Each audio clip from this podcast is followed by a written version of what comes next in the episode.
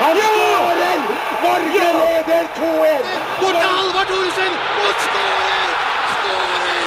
Og Lars skyter inn mål! Vi leder 2-0! Og Lars Bohin har gjort det igjen! Dagny Melgren, Norge! You boys took a hell of a beating!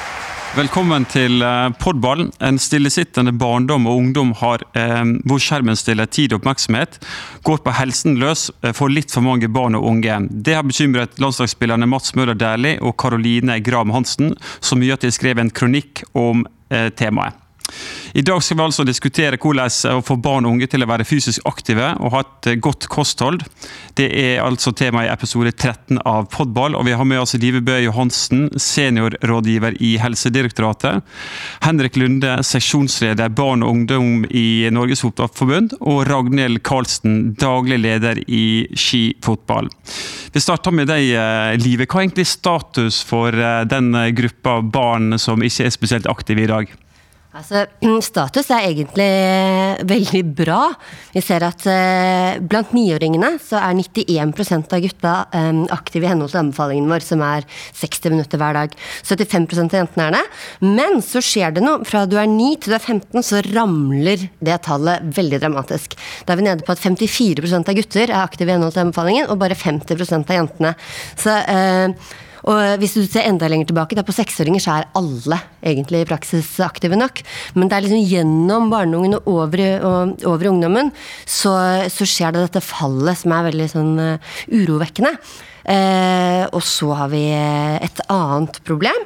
Eh, det er at vi har en ganske stor gruppe som er godt aktive. Eh, men så har vi en annen gruppe igjen som er veldig inaktive. Så det er disse ulikhetene som gir oss litt hodebry. Men det du egentlig sier er at fra, fra tidlig barnealder så er absolutt alle ja, aktive, praktisk talt? Mm. Hva, er som, hva, er det som, skjer i, fra 9 til 15 som gjør at uh, plutselig har både gutter og jenter rast ned fra alle aktive til rundt 50 uh, ikke er så aktive som dere anbefaler? Ja, noe er jo knyttet til en god del av de som sitter i dette rommet her. altså De ramler av organisert idrett. Eh, noe er knyttet til at skjermer tar mer tid tror vi. Eh, og eh, det vi også ser, er at eh, de er mye mer aktive på hverdagene enn i helgene. Så at mye aktivitet er knyttet til skole, gå frem og tilbake til skolen, fritidsaktiviteter etter skolen. Og så kommer fredag og Fortnite. Og så, så er det pause frem til mandag igjen. Og det, det, skjer mer og mer jo eldre du blir. Da. Det er sikkert også fordi at du kontrollerer mer din egen tid. Men Henrik Lunde, seksjonsleder for barn og unge i NFF. Er dette en beskrivelse du kjenner igjen i? Ja, absolutt. Og det med frafallet i ungdomsalderen gjelder jo alle idretter, eh, tror jeg. Så klart det er et eh, problem. Det viser vel også at mange av de som slutter med organisert idrett, fortsetter å trene i treningsstudioer. slik at En del holder jo aktiviteten oppe, men vi som driver eh, den organiserte idretten, konkurranseidretten, vi ser jo at, at, de, at de ramler fra. og Det er nok mange grunner til det, som vi kanskje kommer inn på etter hvert. Men beskrivelsen stemmer med det jeg kjenner til, ja. Men her, Vi har alltid snakka om frafallet i ungdomsfotballen eller ungdomsidretten. men Her snakker vi altså om det til niårsalderen, som faktisk er barnefotball. Er det overraskende at det frafallet eh, starter så tidlig at, eh, at barn blir inaktive i så tidlig alder? Ja, litt. Og det, det, rimer vel ikke helt med de tallene vi har. at eh, er, Vi ser nok frafall, den store duppen kommer i sånn 13-14-årsalderen. Et, etter første året i ungdomsfotballen. at Da ser vi at da går tallene våre voldsomt uh, nedover. Men det er jo en avskalling hele veien, og det er kanskje naturlig. Man finner andre ting og sånn, men at ungdomstiden blir spesiell, og da ser vi at da sliter vi med å holde uh, ungdommen i, i fotballen. Ragnhild eh, Karlsen, daglig leder i skifotball. Du er jo, du er jo tettest på her av, av samtlige. Hvordan opplever dere den rekrutteringsbiten i skifotball, og det som går på frafall, at enkelte da faller fra tidlig? Nei, egentlig samme som Henrik sier. at uh, Vi opplever ikke noe frafall 9-10-årsalder. Det er som det har vært tidligere fra 12-13, altså ungdomsåra at, de, at, det største frafallet kommer. I barneåra så har vi ganske stabilt antall uh, spillere. Men uh, det som vi har sett siste åra, det er at uh, der hvor tidligere kanskje andre idretter var en konkurrent, så har eh, kanskje skjermer i alle varianter blitt eh, vår, en av våre største konkurrenter nå. Det er selvfølgelig mange årsaker. Men eh, alt du kan gjøre via en mobil eller annen skjerm, det tar utrolig mye tid. Eh, ikke bare blant eh, voksne, men ungdom. og lenger og lenger ned i alder, faktisk. Det ser vi på øh, fotball-SFO, bl.a., hvor ungene faktisk har lyst til å sitte med iPaden. Og Det kan godt hende at de har lyst til det noen ganger fordi de bruker iPad på skolen. ikke sant? Og bruker det noen ganger på lekser. Men øh, det, det blir litt sånn fristed for de faktisk å sitte og holde på med et eller annet øh, foran en skjerm. Dessverre. Hvordan skal man kjempe mot, mot skjermen, da? Har vi noen ideer? Må jeg tilby noe som er eh, minst like interessant. Jeg ser jo at eh, både foreldre og unger de forventer, eh, de forventer ganske høy profesjonalitet fra oss i klubbene. Langt større i dag enn det det kanskje var for 10-15 år siden. De fleste av oss eh, ute i store breddeklubber de er foreldredrevet. Vi, eh, det er mange flinke foreldre, da, heldigvis. Og jeg syns vi har et eh, bra tilbud. Men, men det er klart det er, det er det å ha et godt sportslig tilbud som dekker alle nivåer, i hvert fall så mange som mulig, det er en utfordring. For det, det er veldig mange nå som er opptatt av at det skal være bra tilbud til de beste og alt sånt nå. Og det, det er viktig, det, men det er vel så viktig å ha et eh, like godt tilbud til de som ikke er like ivrige, de som har lyst til å holde på med andre ting også. Og Der er det kanskje også blitt litt sånn større forskjell nå at eh, Ja, all, all den diskusjonen med tidlig spesialisering og, og alt sånt nå. og det det er tross alt veldig mange som, eh, hvor det å holde på med fotball er ikke det viktigste her i verden. De er gjerne med hvis de kan få være med på sine premisser i tillegg til alt annet. Hvis det blir satt for store krav slik og sånn, så mister vi dem. Så det er en utfordring å, klare å legge til rette for å få med flest uh, mulig. Da. Dekke uh, alle nivåer. Det, det, er ikke lett verken for vår klubb eller for andre klubber. Så det du egentlig sier her er jo at det å ha et differensiert tilbud til både de veldig ivrige og de som ikke er fullt så ivrige, er ekstremt viktig for å beholde folk lenger. Samtidig så vet vi at når det er større etterspørsel etter en profesjonell Ikke profesjonell, da, men enda mer sportslig kvalifisert eh, tilnærming til, til, trening, så vil det også gjøre noe med, kanskje med kostnadene, som igjen kanskje er årsaken til at enkelte da slutter med fotball. Det har også vært debattert, Henrik. og Hva tenker du rundt den problematikken? Nei, det er jo en velkjent dilemma, det. og Det, er klart, det er, ligger jo i, i, sporten at vi både skal gi de beste en sjanse til å bli kjempegode, men samtidig de som syns det er gøy å holde på for mer for moro skyld, at de også skal få et tilbud. og Det er et, en utfordring for et særforbund, og det er definitivt også utfordring i klubb. Jeg har altså da trent mine unger i 13 år og vet at der i en spillergruppe på 30 unger så har du alle, alle varianter. Men jeg tror nok, og det er nok vanskelig også for klubbene at vi det blir forventet av oss, og det er kanskje derfor man også startet klubber i sin tid, for å gi et aktivitetstilbud til befolkningen i, nærområdet. Og så, blir det, så er vi en konkurranseidrett, så blir det fort veldig seriøst, veldig alvorlig. Og da de som ikke som syns det er litt kult, litt morsomt, de, de dropper ut, for det blir, det blir, for seriøst, og kanskje hele systemet vårt er for rigid uh, rigga. Det er en utfordring, og jeg tror vi er nødt til å tenke ganske nytt for å greie å holde på ungdommen nå videre framover. Vi ser det jo litt i andre land, hvor f.eks. i England hvor dette med walking football høres jo Mange fniser av det, men altså det er veldig sosialt. og men Det er ikke det der, det er små baner, altså for voksne folk. altså Man må finne andre måter og, som ungdommen kan bruke fotball som en aktivitet. da.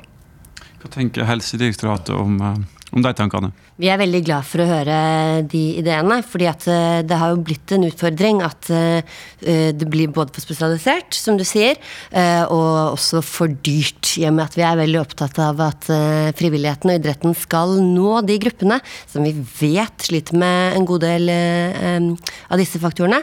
Og de ramler utenfor. Det er ikke noe gøy å gå til klubben og spørre om å få nedsatt betaling, og det er dyrt.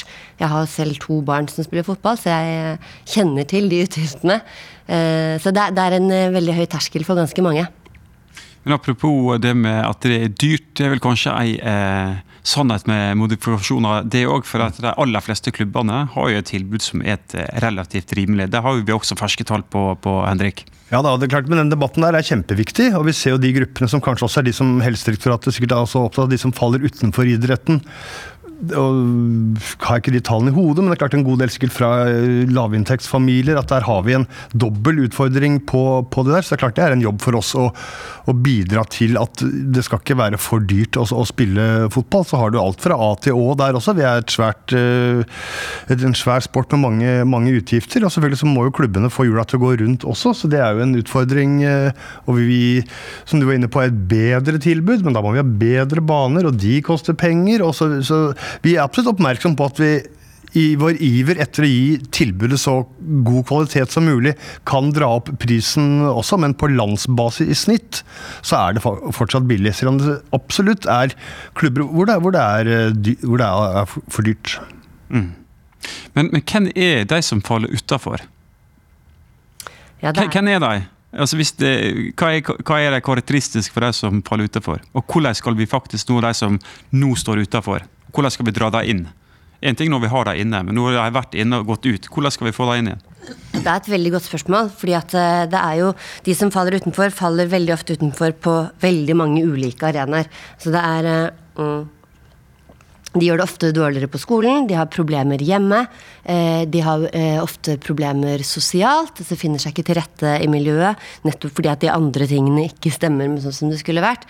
Eh, og de vil også ha mye høyere terskel for å oppsøke miljøer hvor man er aktiv, hvor man er sammen. Det er veldig vanskelig å gå ut og rekruttere aktivt, men vi det er jo veldig lett å peke på skolen, da, fordi at eh, det er tross alt et sted hvor absolutt alle barn er innom. Eh, så om man klarer å gjøre mer i fellesskap eh, med, med skolene, så er jo det i hvert fall én arena. Helsetjenesten er en annen. Men da må man jo også ha tilbud som er så lavterskel at man aldri trenger å føle på at man ikke var god nok, ikke var rask nok, at man dummet seg ut når man kom. Så da, er helt tilbake til sånn gå-av-fotball. For voksne så har man dette som heter Tjukkasgjengen, som er et helt fantastisk tilbud. Eh, som bare er eh, startet av noen karer nede i Østfold som begynte å gå. Så fikk de seg noen refleksvester. Eh, og så sa de at her er det ikke krav til noen ting. Eh, vi, I dag så går vi. Kanskje vi går til puben. Eh, og det har, jeg tror de har eh, 20 forskjellige Nei, de er, de er, representert i alle fylker. Eh, så en sånn Tjukkasgjengen for barn Det er kanskje litt sånn belastet ord, for den, den, ironien er kanskje ikke så vellykket for den målgruppen. Men, eh, men eh, å, å, få tak i disse her hvor bare sier kom igjen, la oss bare stikke bort. Kjøpe en is på kiosken i små grupper. Eh, kanskje en dag ha med en fotball. Altså, vi klarer å utvikle de der veldig, veldig, veldig bitte små eh, tilbudene som gjør at ingen føler press. Det kunne man kanskje begynt på. Men ehm, det er jo interessante tanker. Samtidig så er jo fotball en konkurranseidrett. og Er du tolv år og du har spilt fra du er fem-seks år, så blir jo den mer kompetitiv, den sporten òg, selv om det skal være et tilbud til alle. Og Da kan jo det tenkes at de som da ikke har rørt særlig fotball på tre-fire år, at de føler rett og slett at de, de ikke henger med i svingene. Er ikke det en problemstilling også, Ragnhild? Jo, det er det, men, men jeg opplever likevel at de vi har faktisk flere som begynner å spille fotball eh, når de er litt store. Altså Si etter 10-12 år. For noen år tilbake så, så, gjorde de ikke det. Hvis ikke du hadde liksom vært med da du var 6-7-8 år, så, så, begynte du ikke å spille fotball når du var 11-12. Men jeg har faktisk flere som eh, gjør det nå, også i ungdomsåra. Og det er jo fordi at de opplever å bli tatt imot på det laget likevel. ikke sant? Mm. Det er lov å være med, fordi at uh, vi er jo en klubb som har uh, egentlig et tilbud til mange. og har flere nivåer. Og Det gjør at vi kan, eh, vi kan ta imot de som også ikke har mange års erfaring, selv om de bare er 12-13 år. Det, men jeg og tenker dette her med og fotball er jo en idrett som favner veldig mange. Vi er jo heldige sånn sett. Det er i hvert fall I det distriktet hvor jeg holder til, så er det mange som spiller fotball. Det vi ser er at uh, jenter de er litt sånn som kommer og går i flokk. Hvis, kommer, hvis, vi har en årgang med jenter som allerede er godt etablert og mange jenter, så er det mye lettere å få med mange flere jenter. Hvis det er en årgang hvor det er litt uh, glissent og litt få, så er det en sånn årgang som vi kommer til å slite med hele veien. Det kommer jo litt an på sånn, uh, hvor store kullene er også, da. Men jenter er mye mer at de, de slutter ikke én og én og begynner én og én, sånn som guttene ofte gjør. Det, vi gjorde en helt enkel sak i ski fotball. Eh, Jentene har rosa drakter. Bare en sånn liten ting gjorde at vi plutselig fikk en boom av jenter, fordi det ble veldig kult med de rosa draktene. Eh, ikke sant? Det, fordi at da, da ble det For noen som ikke er så interessert i fotball, så kan det å ha en rosa drakt og rosa strømpe være avgjørende faktisk for at du vil være med videre. Så det er småting. Men i, vi snakker om dette her med, med, utgifter og kostnad, for det er jo ting som har vært diskutert mye. Og, og vi er en klubb som ligger sånn cirka midt på tre.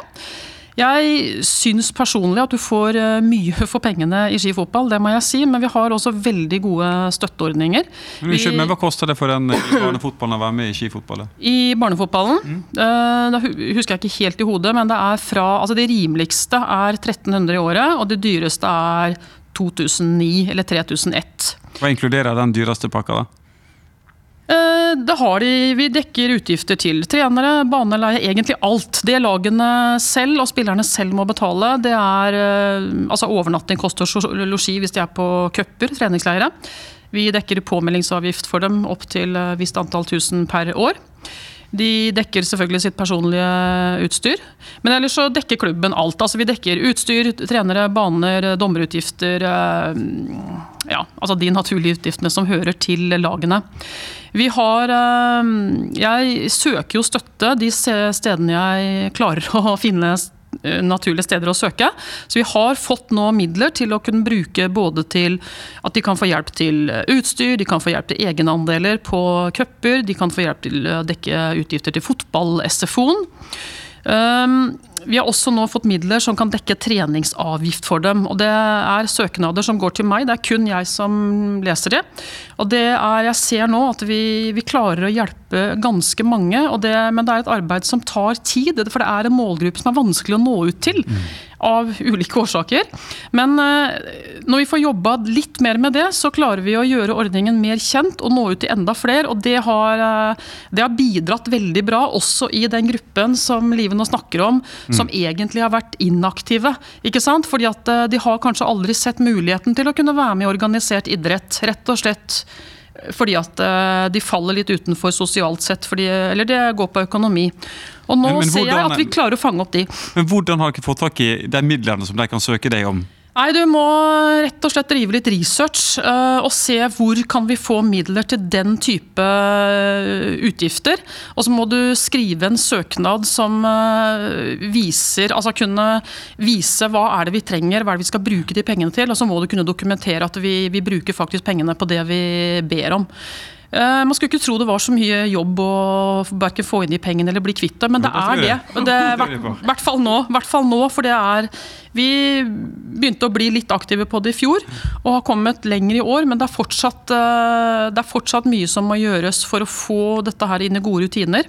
Og så får vi bare håpe at vi får beholde de midlene, da, sånn at når vi endelig klarer å få etablert gode ordninger på det, at det ikke mm. blir borte. Men det er noe som har vært til veldig god hjelp for mange i, i Ski, så det har gitt uh, ja, bra uttelling. Livet? Ja, det handler også litt om kommunikasjon av at det fins sånne ordninger, og at det er sånn kjempelett å søke. fordi at en del av disse her eh, vet ikke hvordan de skal eh, sette i gang på et sånt søknadsskjema. Eh, og da har vi ennå ikke begynt på ydmykelsen med å gå og levere det og si at jeg har ikke råd til at mitt barn skal spille fotball. Så det er et eller annet med å gjøre det sånn utrolig tilgjengelig og lavterskel. Men jeg er veldig glad for å høre at dere jobber sånn eh, med det. Det gir håp.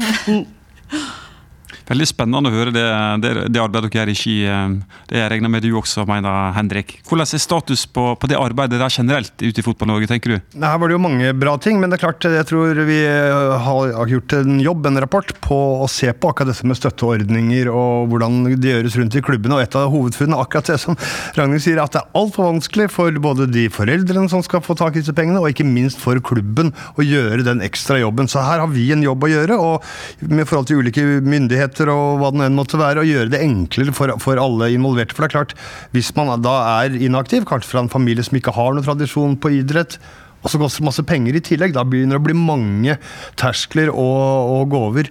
Det som er veldig bra med en så stor klubb som, eh, som Ski, er jo at de kan ha flere lag, etter ulik på mye tid du vil bruke og sånne ting. Og da blir det jo en historie at da kan de som ikke har vært med idrett før, begynne selv om du er 12-13 år, eh, sånn som det vi ønsker, da, men som kanskje kan være en terskel for noen. For det er jo en ferdighets idrett. Og hvis du føler de andre har øvd på den ferdigheten til du er 13 år, så er det ikke sikkert du får så innmari mye mestringsfølelse hvis du begynner selv. Da. Men hvis du har ulike nivåer, og, og da helt klart tydelig en god kultur i, i, i, klubben, så er det helt kult å være med. Selv om ikke du er verdens beste fotballspiller, så kan du være med de andre likevel. Det er interessant det med, det med støtteordninger. For det som du var inne på tidligere, Henrik, det er jo slik at klubbene må jo faktisk få inntekter for å, jula, for, for å få hjula til å gå rundt her. Eh, og så snakker du om at dere har søkt om midler til støtte. Tenk, er det først og fremst offentlige midler, og da bringer vi over, egentlig over på spørsmålet Må ikke også kommune, stat, norske myndigheter også komme inn og ta ansvar for at vi skal hjelpe de som faller, faller utenfor, uh, utenfor her? Um, jo, det er jo et så Kommunene har jo en folkehelselov som de er forplikta til å følge. og Det handler om at man skal tilrettelegge for fysisk aktivitet, bl.a. for barn og ungdom. Du skal kunne gi innbyggerne de tilbudene. Så, så det, det, skal jo være penger knyttet til dette som man skal kunne søke fra kommunen. Eh, det fins vel også tilskuddsordninger jevnlig fra, eh, fra, staten, men det er ikke noe veldig lett for idretten. Det er vi veldig, veldig klar over. Og så er det jo øh, ja, det fins jo stiftelser som gir ganske mye penger. Så det, er, litt vanskelig landskap å bevege seg med, med tilskuddsordningene. Men det fins steder man kan søke, altså man må være litt kreativ. Mm. Du hadde hånda oppe i stad. Ja, jeg hadde lyst til å si Vi har jo fotball-SFO fem ettermiddager per uke. og Der har vi faktisk med flere unger som ikke spiller fotball til vanlig. Fordi eh, de, noen eh, SFO-er på skolen er det kanskje mye ja, lite aktivitet. Sånn at eh, noen er med på fotball-SFO-en Rett og slett fordi det gir litt mer aktivitetstilbud da, enn vanlig SFO. Og så kan de kombinere det kanskje én til to ganger hos oss og resten på skolen. Og Det er jo også en, en måte å få flere med i aktivitet på. For da, om ikke de spiller på et lag, så vil de jo spille fotball hos oss og få lært det der, som gjør at de kanskje går et år eller to, og så vil de begynne å spille fotball likevel. Selv om det i utgangspunktet er unger som ikke hadde tenkt til å være med i en organisert idrett. Så når de liksom blir med via har inngangen sin da, via fotball-SFO-en, så er det lettere å fange opp de som kanskje da i utgangspunkt ikke var så interessert. Men det med fotball-SFO, vil vi gir ikke også mulighet til å fange barna fra tidlig alder? Og få dem i aktivitet og kjenne gleden av det? Jo, det gjør det. Gir ikke det et helt annet mulighetsrom enn hva man hadde før? kanskje? Jo, jo, absolutt. For oss har det vært eh, gull verdt. Vi har tilbud fra 2. klasse til eh, niende. Og det gjør jo, bl.a. med banekapasiteten, så gjør jo det sitt til at når lagene, altså når noen lag har mange unger på sitt lag, er på fotball-SFO-en, så gjør det kanskje at det laget trenger én økt, eh, færre fellestreninger i uka. Det er, det er, bra for oss som sliter litt med banekapasitet. Eh, når vi også har mange foreldretrenere, som, eh, og vi har mange flinke trenere i skifotball, så det er jeg veldig glad for, for det å ha gode trenere er kjempeviktig. Men det er mange mange foreldretrenere som føler liksom at de kommer litt til kort når ungene blir eldre. og Da er det veldig, også litt sånn trygt for de å kunne lene seg på at ok, men de flesteparten på mitt lag er jo faktisk på fotball-SFO flere ganger i uka og får en ok veiledning der. Så det, det er liksom mange, mm, mange fordeler da, som, det, som det gir oss. Og der er Den støtteordningen som vi får, akkurat den som vi kan gi til fotball-SFO-en, det, det er statlige midler som vi søker på. Og det også gjør at eh, For det er jo selvfølgelig et ekstra tilbud ikke sant, som de må betale for å være med på.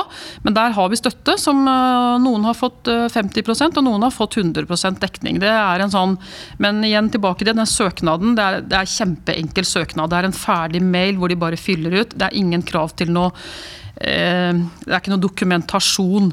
Jeg vet det at hvis du ikke i utgangspunkt har et behov, så vil du heller ikke sende den søknaden. Så det, vi lager ikke noe sånn stor issue av søknadsprosessen. Overhodet ikke. For det, det er vi har hatt andre ordninger tidligere hvor vi har hatt samarbeid med Nav og søkt for de, og da har det vært så kompliserte søknadsprosesser at vi har bare måttet stoppe det.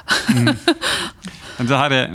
Men akkurat det med fotballstasjonen, det blir litt av det som Live snakker om, dette med en litt mer sånn uformell enkel måte å være i aktivitet på. Det er ikke så veldig alvorlig og trening og kamp og alt der, men du er med etter skoletid, og så rører du på deg og driver med alt mulig forskjellige typer aktive ting. Litt à la den tjukkasgjengen din som gikk på tur. Altså, da, jo, men altså, det, det, blir, det, det, blir, ikke så alvorlig, og, og, men du får rørt på deg og, og kommer i aktivitet. og da kanskje også da terskelen inn til at du blir med på et av lagene blir lavere. Da, du får en sånn mykere inngang. Så det tror jeg er en veldig bra, veldig bra greie.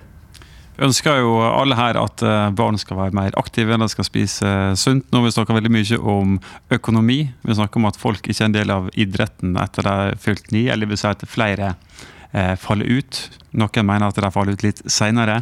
Men de vi først har inne i idretten nå i, i dag, så har vi også en kostholdsdimensjon. Hvordan kan vi utnytte idrettsarenaen til å fremme et sunt og godt eh, kosthold? Og det mener vi mye om. Ja, du får eh, taletid, du. Ja, nei, altså, mm, eh, fotballen og håndballen, idretten er jo fantastisk fordi det er så mange barn der. Så det er et kjempepotensial til å, øh, å bidra positivt til barn og unges kosthold. Det er jo øh, en kjensgjerning at øh, mange foreldre, meg selv inkludert, har en lei tendens til å tenke at altså, nå spiller han cup, hele dagen er så aktiv, tåler både en Solo, en melkesjokolade og en bolle og en vaffel. Eh, ikke tenk på det. Men eh, det er litt eh, lett å glemme at når vi driver og dytter i dem sukker på idrettsarenaer, så fortrenger jo det plassen til næringen de trenger når de er aktivitet. Det er helt utrolig hvor mye barn trenger når de er så aktive som, som en del av disse ungdommene er. Og da er det jo et helt, en helt fantastisk anledning til å fremme den maten som de har godt av. Eh, og som de faktisk liker. Vi har eh, helt nye tall på hva barn liker, det kan jeg komme tilbake etterpå. Men eh, nei, kios kioskene og, og, den anledningen til å snakke om hvordan, hvordan, mat og aktivitet funker på kroppen, den er helt gull. Mm. Henrik, vi har Eat Move Sleep, vi har Tine fotballskole. Da har vi et bevisst forhold til nettopp kosthold. Kan du fortelle litt om hvordan vi har jobba der? Nei, Vi har jo holdt på med det i, i flere år, og jeg tror det, og det vet vi jo at det har blitt en mye økende bevissthet ute i klubbene på det også. Og så tror jeg man mange er gode på å få en sånn ålreit inngang på det. Ikke så voldsom pekefinger og sånne ting, men bare det at du har noe annet enn langpanne med sjokoladekake i, eh, på cupen. Jeg mener at man skal ha brus og sjokolade. Og, og altså, Du må få lov til å dra på litt når du er på cup, men klart hvis du bare hiver i deg kebab og vafler hele dagen, så blir det jo ikke noe Det merker jo ungene òg, da. Men, men, det å få i det en, sånn, eh, en, en, mer sånn naturlig greie på det, og at du orker mer, du blir mer opplagt av det, altså, det, det, det skjønner ungene selv også. Har du dratt på to eh, drøye sjokoladekaker før du skal spille kamp, så er det slitsomt. Det er ikke noe kult. Så, så jeg tror man har en god inngang via sporten på å, å få, det, få, få, det, opp. Da. Og så tror jeg idretten kanskje, og treneren sånn, har en litt annen rolle enn mor og far og skolen og sånne ting. Det er liksom sånn, eh, det er noe frivillig. Trenere har en veldig spesiell rolle i barns liv. Selv om det er pappaen til Pia som er treneren, så likevel så blir det noe litt annet enn om mamma sier at nå må du spise opp brokkolien, liksom. Sånn at det, ja. Det var så godt sagt, men ja. Jo, jeg synes det var veldig godt sagt, eh, Henrik. Ragnhild, du er jo eh, førstelinje her. Hvordan jobber dere med, med mat, kosthold, i, i skifotball? Der kan vi jobbe veldig mye mer. Vi eh, har begynt å jobbe med det, ikke akkurat nå, men for eh, noen år tilbake. Vi har, eh, det er liksom noen utfordringer knytta til den vanlige kioskdriften. Sånn fordi at det, er, det går på holdbarhet av varer. For vi, ikke, vi, har jo ikke kiosker som har veldig høy omsetning. Så det betyr at vi må ha varer med høy holdbarhet. Vi må ha varer som er Det må være enkelt for vaktene. Det er nye vakter hver kveld. Det er foreldrene som er vakter. Det kan ikke være de kan liksom liksom ikke ha, stå med oppskrifter og lage ting som er komplisert. Det må være enkelt. Og så må det være selvfølgelig at det er salgbart. Vi har, vi har, prøvd med litt forskjellige ting. Tatt ting litt sånn ut og inn. Vi har eh, landa på at uh, vi har erstattet uh, f.eks. sjokolade med sånn energibarer. Det var ganske sånn enkelt å kunne gjøre. Prøvde noen varianter med matvarer som vi måtte ta bort igjen, rett og slett fordi at det ble Ja, det solgte ikke. Det vi har sett eh, har kunne gått an, det er å lage opp sånne matmuffins. ikke sant? De kan, kan du lure ganske mye rart, og så kan vi ha de i fryseren. Og så er det om å gjøre å få dette her eh, tint da, og ut til kundene. Vi også mm, med toast. Det er også litt sånn utfordringer med at alle vakter må passe på å få det opp av fryseren og stekt, og det er fire minutters ventetid for kunden og litt, litt sånn den type ting. Men øh, når det gjelder selve matvarene, så kan vi jobbe mer. Det å erstatte brus med mm, mer vann, sukkerfri brus, det syns jeg har vært veldig enkelt. Um, også smoothie, vi har også noe juice, noen ganger også sjokolademelk. Det har vært ganske greit. Litt som Henrik, uh, is vil vi fortsatt ha i kiosken, fordi at det um, ja, det, det, det, syns vi er greit å fortsatt ha tilbud uh, om. Men vi har fått bort de mest usunne tingene, som er liksom sjokolade og snacks. De finner du ikke i kiosken uh, lenger. Og så vi, er vi veldig åpne for å ha flere forslag om enkle matvarer som er akkurat det jeg nevnte i stad, dette med holdbarhet og at det er enkelt, og som du får solgt. Så hvis Live har noen gode tips på det Vi har vært gjennom denne idrettsmat flere ganger og, prøvd å, prøvd å feile. Fortsatt litt mer å, å, gå på. Jeg kan godt tenke meg at uh, klubber som har kiosker som er litt uh, mer tilrettelagt tilrettelagt enn det vi har, da, med innlagt vann og kort vei til kjøkken, eller sånn, den type ting, kan få det til bedre. Vi har kiosker hvor det ikke er kjøkken, ikke er vann. altså Det er litt sånne begrensa ting, men for all del. Det er mulig å, å, selge sunnere ting der, selv om det er litt sånn eh, ytre rammer. Så. Men, men, men, en ting som er litt interessant, når dere har eh, Eat Move Sleep Cup, mm. da er det et veldig fokus på å spise sunt, frukt og grønt osv. Gjør det noe med hold, Merker dere noen holdningsendringer? Oi, dette her er jo det vi ønsker. Dette her vi vil ha på cupene. Eller er det folk som tenker at hei, hva har du gjort av sjokoladen, liksom? Ja, det er, det er, det er begge deler. Noen eh, syns det er eh, kjempefint jo sunnere det er, mens andre litt sånn rynker på nesa og at eh, nei, altså skal det, være, skal det være vafler, så skal det være ordentlige vafler, ikke grove vafler. ikke sant? Og hvorfor kan vi ikke liksom få en sjokoladekake når det er cup? Så det det er begge deler, men vi hører vel ikke så så veldig mye. Vi gjør de tingene vi syns er ok, og akkurat på cuper så er det mye lettere å legge opp til flere sunnere alternativer, for da har vi litt mer kontrollen på det sjøl. Og har, eh, da, da, slipper vi litt de ytre rammene med ja, kjøkken og vann og kjølemulighet og, og litt sånt noe. Mm. Men uh, som sagt, begge deler. Men jeg syns jo generelt så er det en holdningsendring i retning av at jo sunnere det er, jo uh, høyere applauderer vi det, da. Men Live, du snakker om at uh, dere har undersøkelser som viser at ja, sånn jeg tolker det, at barn og unge faktisk foretrekker De ønsker være sunne alternativer. Fortell litt om det. Ja. Nei, vi har eh, Akkurat nå så har vi noe som heter Mer av-kampanjen. Som er en stor kommunikasjonssatsing eh, rettet mot barn og ungdom og foreldrene deres. Det er egentlig barn i akkurat den målgruppen der, 9-13 år. Eh, og det handler veldig mye om at vi er lei av å heve den pekefingeren. For det er så mye du må ikke spise sukker og ikke spise salt og alle de allergiene som foreldre tror at barn har, og alt man ikke skal holde på med. Det er veldig utmattende for folk. Så Mer av kampanjen vår handler om, eh, om alt som man skal spise mer av. Eh, og det er eh, selvfølgelig grove kornprodukter, frukt og grønnsaker og bær, og fisk og sjømat. Og da, før vi satte i gang med dette, så gjorde vi noen undersøkelser egentlig for å imøtegå den myten om at barn ikke liker fisk, at barn ikke liker grønnsaker. Så vi spurte masse respondenter der ute om liker barnet ditt noe av det følgende. Så hadde vi masse spørsmål om det. Og det vi da fant ut, var at 100% av barn liker frukt og grønnsaker. 98% av barn liker fisk og sjømat, og 98% liker grove kornprodukter. Eh, hvis man bare deler det opp. De fleste liker laks eller fiskepinner. Eh, de aller fleste liker agurk. Altså, det, så det, det, er et eller annet der for alle. Eh, og oi, vi, eh, det er ofte vi foreldre som holder liv i den myten. Da. Og da hadde jeg egentlig en liten kommentar til det du sa om, om kiosken også. For det, dette er jo uvitenskapelig, men når jeg er kioskforelder, så bytter jeg litt plass på ting. Sånn at eh, når bare den rosa smoothien står først, så, så, ser de den. Men hvis brusen står først, så ser de den. Så eh, barn er veldig mye eh, de, de, går instinktivt for et eller annet de syns ser fristende ut, og så tenker de ikke så veldig mye på det som kanskje er bak disken. Så det handler et eller annet om hvor man plasserer ting også. Hva det er man liksom byr. Dette er jo kjent sak fra, fra matvarebransjen òg. Ja, det er Stadig diskusjon om hvor man plasserer de ulike produktene. Henrik, du hadde noe på hjertet? Ja, dette er jo det ga jo inn egentlig en sånn pakke, for å bruke det uttrykket. fordi fotballen er så svær, så veldig mange aktører ønsker å nå ut med sine budskap ut til, eh, ut til fotballen. Og det er jo ingen ende på gode formål og gode saker som eh, folk gjerne vil inn i Fotballforbundet, og så ut til eh, klubbene. Så tror de kanskje at det er en automatikk, at da blir det sånn i klubben. Men det som er viktig for oss, er jo hele tiden å tenke på både de foreldrene som er kioskvakter, og han pappaen til Pia som er trener på Jenter 10.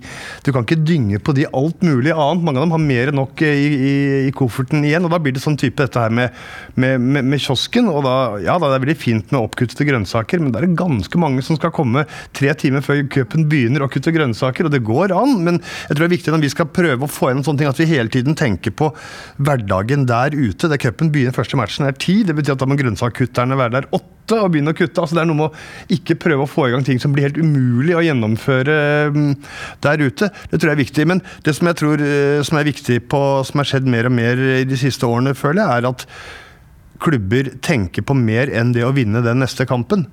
Altså De tenker på ungene, få en bra oppvekst få et bra miljø, lære seg sunne verdier og bli mer interessert i å ta med ting som er rundt banen, enn det de har vært før. Vi har for også jobbet dette med, med, å ha en bevisst forhold til alkohol. Det blir veldig ofte er foreldrenes alkoholbruk som er, som er, tema. og Der mener jeg at de siste årene at der har flere og flere tenkt at ja, det, det, her må vi ta en runde og tenke litt på det. Hvordan gjør vi det på cup? og Er det greit at uh, foreldrene drikker på cup? Og, og sammen med mat på cup skal vi tenke på noe annet enn bare kjøre innom kebabsjappa på veien til camp campingen. Liksom, at man får opp den bevisstheten. Jeg tror bare Det er et veldig viktig førsteskritt, som, som jeg tror nå jeg, i hvert fall min mening da, At mange klubber nå tenker mye mer enn de gjorde for noen år siden på, på ting rundt akkurat det å få sparka den ballen fra A til B. Det er vel ikke tvil om at det ligger i tide at folk flest ønsker å spise sunnere. Mm. De ønsker at barn skal spise sunnere. Så er det vel som Henrik sier, man må legge forholdene til rette for at det er mest mulig gjennomførbart, og kanskje litt bevissthet knytta til hvor man plasserer de ulike eh, produktene. Kan det stemme litt overens med den hverdagen du opplever? Ja, absolutt. Og jeg, jeg synes jo på, som jeg nevnte i stad, altså det på, på cuper så er ikke dette her med hva man tilbyr av eh, mat og drikke den største utfordringen. Det er mer dagliglivet mm. i kiosken. For det er da vi trenger at kioskvakter og foreldre er mest mulig selvgående. og Det er absolutt uh, mulig å få til. og Jeg, jeg syns vi har fått til mye også. Mm. Men jeg, jeg skulle liksom likevel ønske at vi kunne finne opp noen sånne enkle ting som, ja, som folk kan kjøpe med litt sånn on the go. Da. Mm. Det er jo så enkelt som uh, bare en banan. ikke sant? Det er enkelt å dra med seg. Så, men det å få det å f.eks. selge oppkuttet frukt i kiosken til daglig, da, det er et større problem. For da er vi på disse daglige utfordringene med at det ikke er vask og ja, mye styr. Så, men for all del, det kjøpe hel frukt går også helt fint. Men du, jeg, jeg, jeg stiller bare et dumt spørsmål. Er det ikke mulig å få kjøpt oppkutta frukt? Eller må, må man gjøre det sjøl? Det spør jeg. Det, er, det, går, det, går, det, går, vel noe på holdbarheten, uh, jeg tror. Da, det hjelper ikke på den Vi sånn kiosken den klubben jeg var, som bare var en liten bod som bodde helt alene. Du kan ikke ha 20 beger med oppkutta frukt der særlig lenge før det blir brunt. Og... Nei, altså til, til ja. daglig så kan vi ikke ha det, men, men, det er mange andre ting da, som kan selges som ikke er oppkutta frukt. Mm. Cuper så går oppkutta frukt uh, helt fint. Og jeg er også enig med Liva. Selv oppkruttet er uh, selger. Det er lettere for unger å, å spise det. Så mm, ja. Men det er litt sånn som Henrik var inne på også. Det er et eller annet som jeg blir sittende og tenke på med trenerens rolle her. For det er så mange unger som er innom idretten, og den treneren er, har en litt sånn spesiell posisjon. Mm. Eh, så det er ikke Jeg tenker at eh, cupmaten og halvmaten skal ikke nødvendigvis redde hele folkehelsa, men det går kanskje an å tenke litt på den trenerrollen også. At treneren sier sånn eh, Husk på å spise en god grov brødskive da, og noen grønnsaker før du kommer på trening, for da jobber kroppen din bedre. Mm. Får du mer ut av dette. Gå hjem og ta dere en banan. Eh, Eh, det, det, er kjempebra for kroppen din når du er ferdig. Det er, uh, uten å liksom skulle gå rundt og være helseguru. Men å slenge inn disse små tingene, men det er, det er bra for deg. Dette blir bra hvis du skal spille i morgen. Altså, uh, det, det, går an å tenke litt på det òg. For Det handler kanskje litt om at både gutter og jentene der ute som spiller fotball, mange av dem har lyst til å bli gode, og de har iallfall Mm. lyst til å prestere godt på banen. Så uten å, ta, å dra inn helseperspektivet, så kanskje heller dra perspektivet inn på hvordan du skal gjøre det best mulig på banen. Kanskje det er et språk som kan funke? Jeg vet ikke hva du tenker? Jo, og det er jo Jeg er også opptatt av det at vi må bruke de arenaene vi har til å formidle ting vi ønsker. Det å, å kalle inn til egne møter for å formidle både det ene og det andre, det er ikke så lett. Folk er ikke så flinke til å møte opp det. Men å bruke kamper, treninger, altså der hvor de allerede er, det kan være spillermøter, det kan være trenersamlinger, det fungerer veldig bra. De små dryppene og det, det der, den daglige er Det fungerer stort sett på alle områder. Og jeg syns trenere generelt er veldig flinke til akkurat det du sier. Dette med å oppmuntre til ta deg en skive, ta med litt frukt. Jeg ser jo det, jeg er jo også på Facebook-sidene til flere av lagene våre, så jeg ser jo hva de legger ut. Og da, Jeg har- enda til gode å sett at noen legger ut at de oppfordrer til å ta med kake, liksom. Eller, altså, i, det går på å ta med, ta med matpakke, for vi vet ikke helt hva som finnes i kioskene. Altså, hvis jeg skal på, hvis jeg skal på cuper.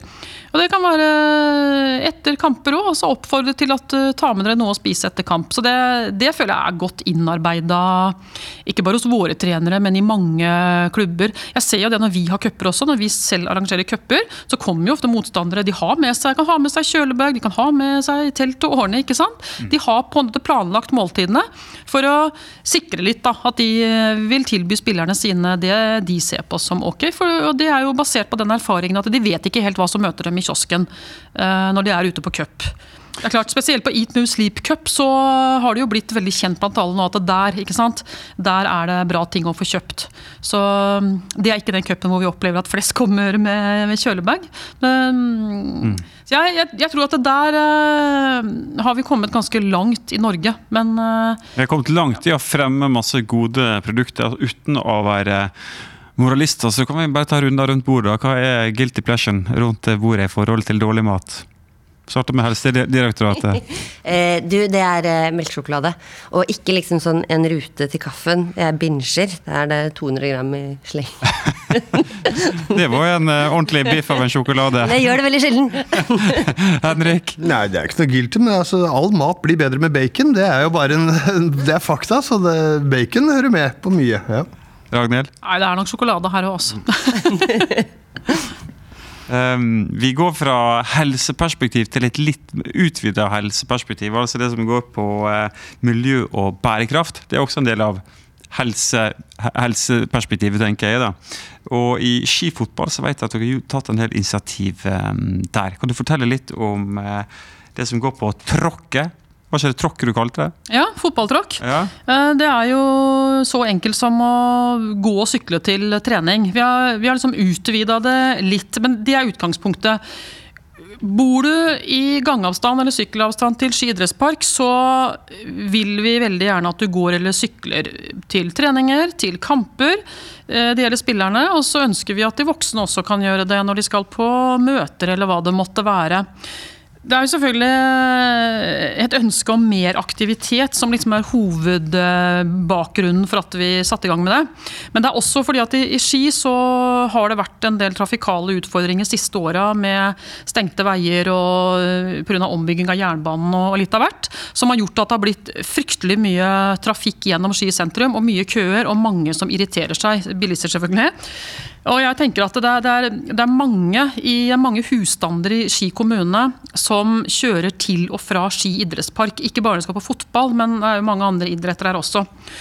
Og jo flere som kan la være å ta bilen gjennom Ski sentrum, det, det, vil, være, det vil være til hjelp da, for veldig mange andre som også kjører bil i, Ski sentrum. Dette handler både om en helsegevinst, selvfølgelig, men også en miljøgevinst. Ja, så, så Vi har knytta hele dette fotballtråkk opp mot uh, trafikken i Ski. Og så har vi huka på denne her med 'vær så snill å la mobilen ligge'.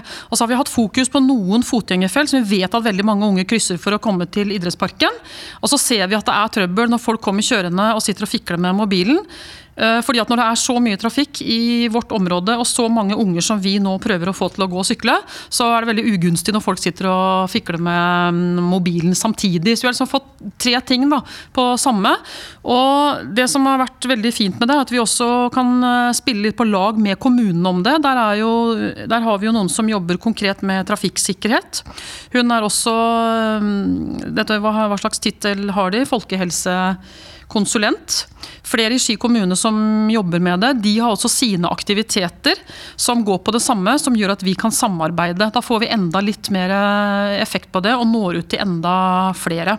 Men i bunn og grunn så er det ikke mer komplisert enn å gå og sykle. ikke sant? Veldig mange gjør jo det, men kan vi få enda flere til å gjøre det, så er det kjempebra. Ski kommune har gjort Hvordan er respons da blant spillerne og foreldre og trenere i klubben? Er de generelt positive til det, er det ja, ja, ja. ja? Absolutt, det er de positive til. Og det er jo så klart flere som kan eh, gjøre det, men igjen da, bruke de arenaene vi har til å prøve å minne om det. og og vi har også noen konkurranser ikke sant? ved at de uh, kan hashtagge, og så kan de vinne premier.